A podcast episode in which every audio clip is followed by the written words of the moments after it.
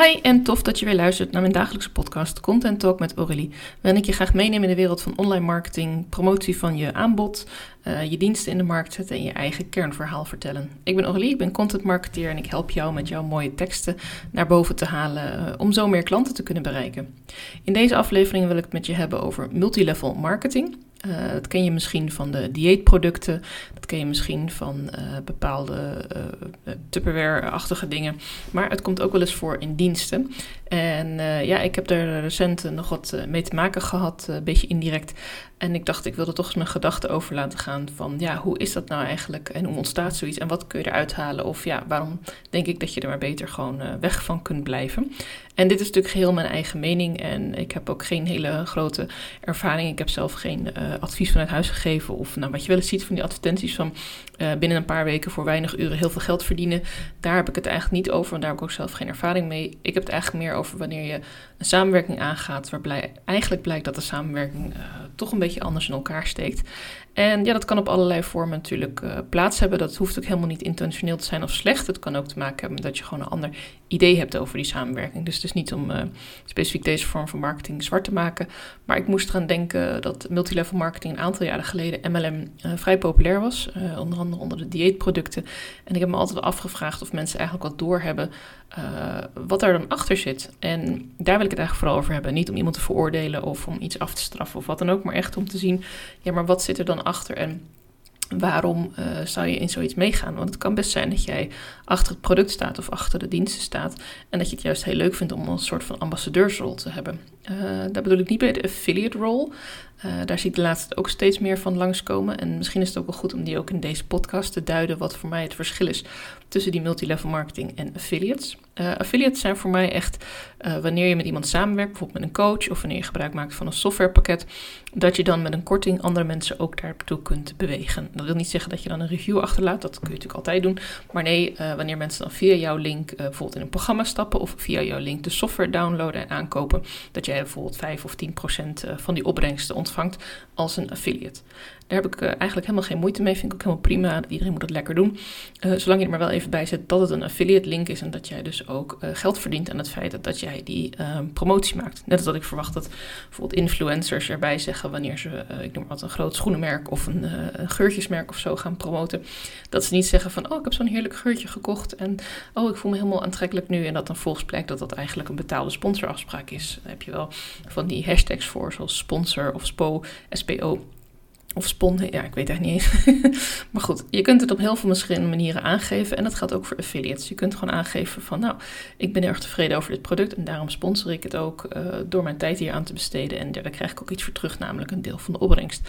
En vaak zitten er ook leuke kortingen aan. Dus ja, ik heb zelf ook wel eens iets via een affiliate link gekocht. Ook om die persoon te steunen uh, die mij ook die tip heeft ge gegeven. Dat vind ik ook heel waardevol. Dus wat ik zeg, ik ben er absoluut niet op tegen, maar houd wel even helder. En wanneer je het hebt over multilevel marketing en dan specifiek op dan denk ik dat je een beetje moet voorstellen zo'n piramidespel. Zo'n piramide-principe uh, waarbij degene die in de top van de piramide zit eigenlijk ja, uh, het meeste geld gaat verdienen en er ook het meeste uit gaat halen. En zolang jij daar bewust van bent en daar mee wil werken en dat helemaal prima vindt en daar je eigen dingen uit kunt halen, dan is dat ook helemaal oké. Maar als je dat niet doorhebt en uh, je werkt er bijvoorbeeld heel hard voor of je promoot het heel hard en je haalt er niet zoveel uit, dan moet het ook wel duidelijk zijn voor jezelf waar je dan mee bezig bent en uh, dat je ook je tijd en je geld kunt investeren in iets. Uh, dat zou op basis van een soort vrijwilligerswerk kunnen zijn. Dat zou op basis van een commissie kunnen zijn. Ook weer zo'n percentage bij een affiliate. En wat ik je vooral in deze aflevering mee wil geven is... denk er goed over na uh, wie je promoot en waarom je deze persoon of dit bedrijf promoot. Want het is vrij makkelijk als jij zelf begint te groeien... om andere mensen te vertellen daarover. Uh, afgelopen maand ben ik nu bezig met podcasts, interviews met andere ondernemers. En daarnaast ben ik ook bezig met mijn coach om haar een beetje ja, ik wil niet zeggen te helpen, maar in ieder geval te steunen. Uh, nu zij een groot jaarprogramma heeft, uh, waar ik ook zelf ben ingestapt, ja, daar vertel ik daar wat over.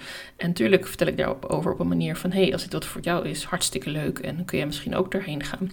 Um, maar ik zeg er wel altijd bij, het moet wel bij je passen. En het is iets wat bij mij past en misschien bij jou ook past. En ga dan zelf in gesprek daarover. En zo probeer ik ook heel erg helder te zijn wanneer ik iemand in het zonnetje zet. Ik vind het ook ontzettend leuk wanneer iemand uh, met mij samen heeft gewerkt, wanneer bijvoorbeeld een project voor iemand heb gedaan, dat diegene een review voor mij schrijft. En diegene doet dat dan omdat hij of zij ook weet dat ik die review dan kan inzetten om weer andere klanten te vertellen over mijn diensten. Want het feit dat iemand dan tevreden is, ja, dat kan jou weer over de brug helpen om te denken, ja, ik ga ook met haar in gesprek.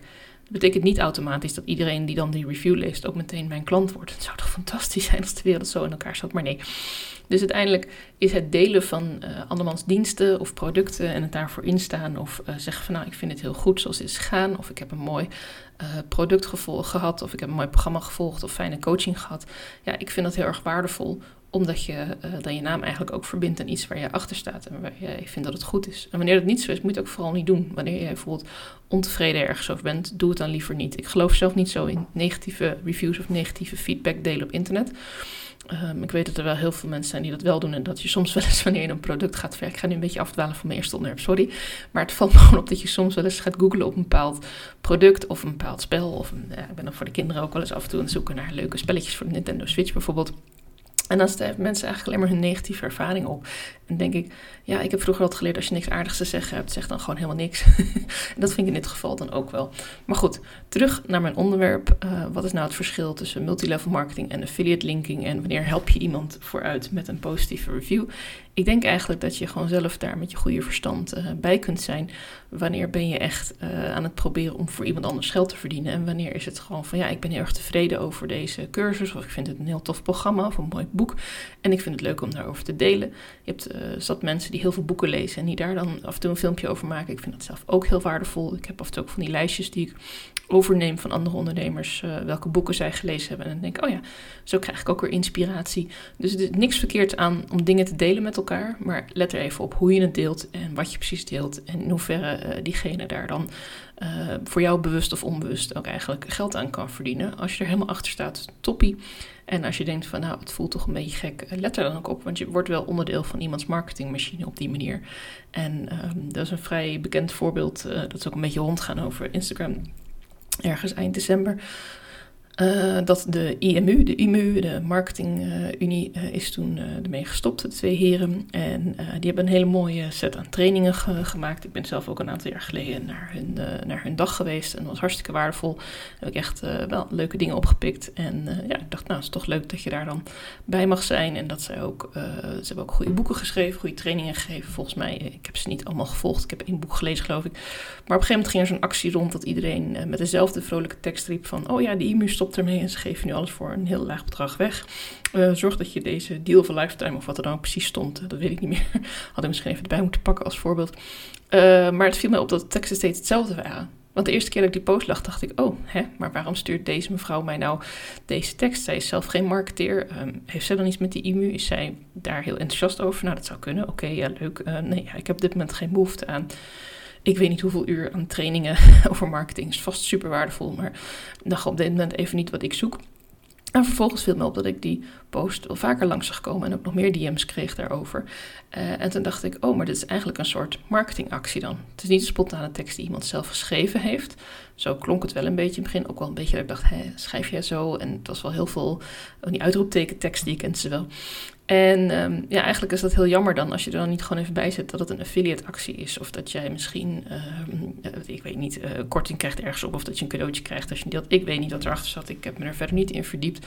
Maar het was wel een voorbeeld waarvan ik meerdere mensen ook op uh, de verschillende Instagram posts wel eens langs zag komen. Van hé, hey, mag dat eigenlijk wel?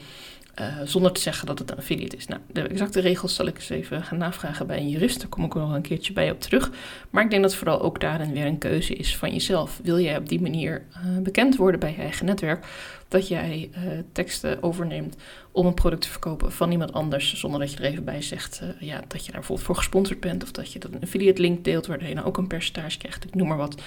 Want los van het feit of het mag of niet, het zal vast wel mogen. Want anders zou het vast niet gedaan hebben mag het ook van je eigen integriteit. Ik denk dat dat eigenlijk wel mijn belangrijkste boodschap in deze hele uh, aflevering is wat je ook doet aan samenwerking of wat je ook doet aan het promoten van iemand anders, zorg ervoor dat het niet in strijd is met jouw eigen integriteit en hoe jij er zelf over denkt en hoe jij er zelf in staat. Wanneer ik jouw naam een keer noem of wanneer ik een coach deel of wanneer ik een leuke post van een klant deel of van iemand met wie ik samenwerk of wat ik gewoon heel tof vind, dan doe ik dat echt omdat ik daarachter sta. En als ik daar geld voor krijg of als ik daar uh, korting op krijg of wat dan ook, dan zal ik er altijd dat even erbij zetten, want ik vind dat gewoon netjes. En dat andere mensen het niet doen, ja, dat moeten ze zelf weten, maar ik merk wel dat het iets met mij doet en dat ik het het fijn vond om dit even met jou nu te mogen delen in deze podcastaflevering.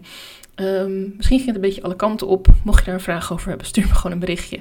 Dan uh, kletsen we de volgende keer gewoon lekker verder. En ik wil je nu danken voor het luisteren naar mijn dagelijkse podcast. En tot de volgende aflevering.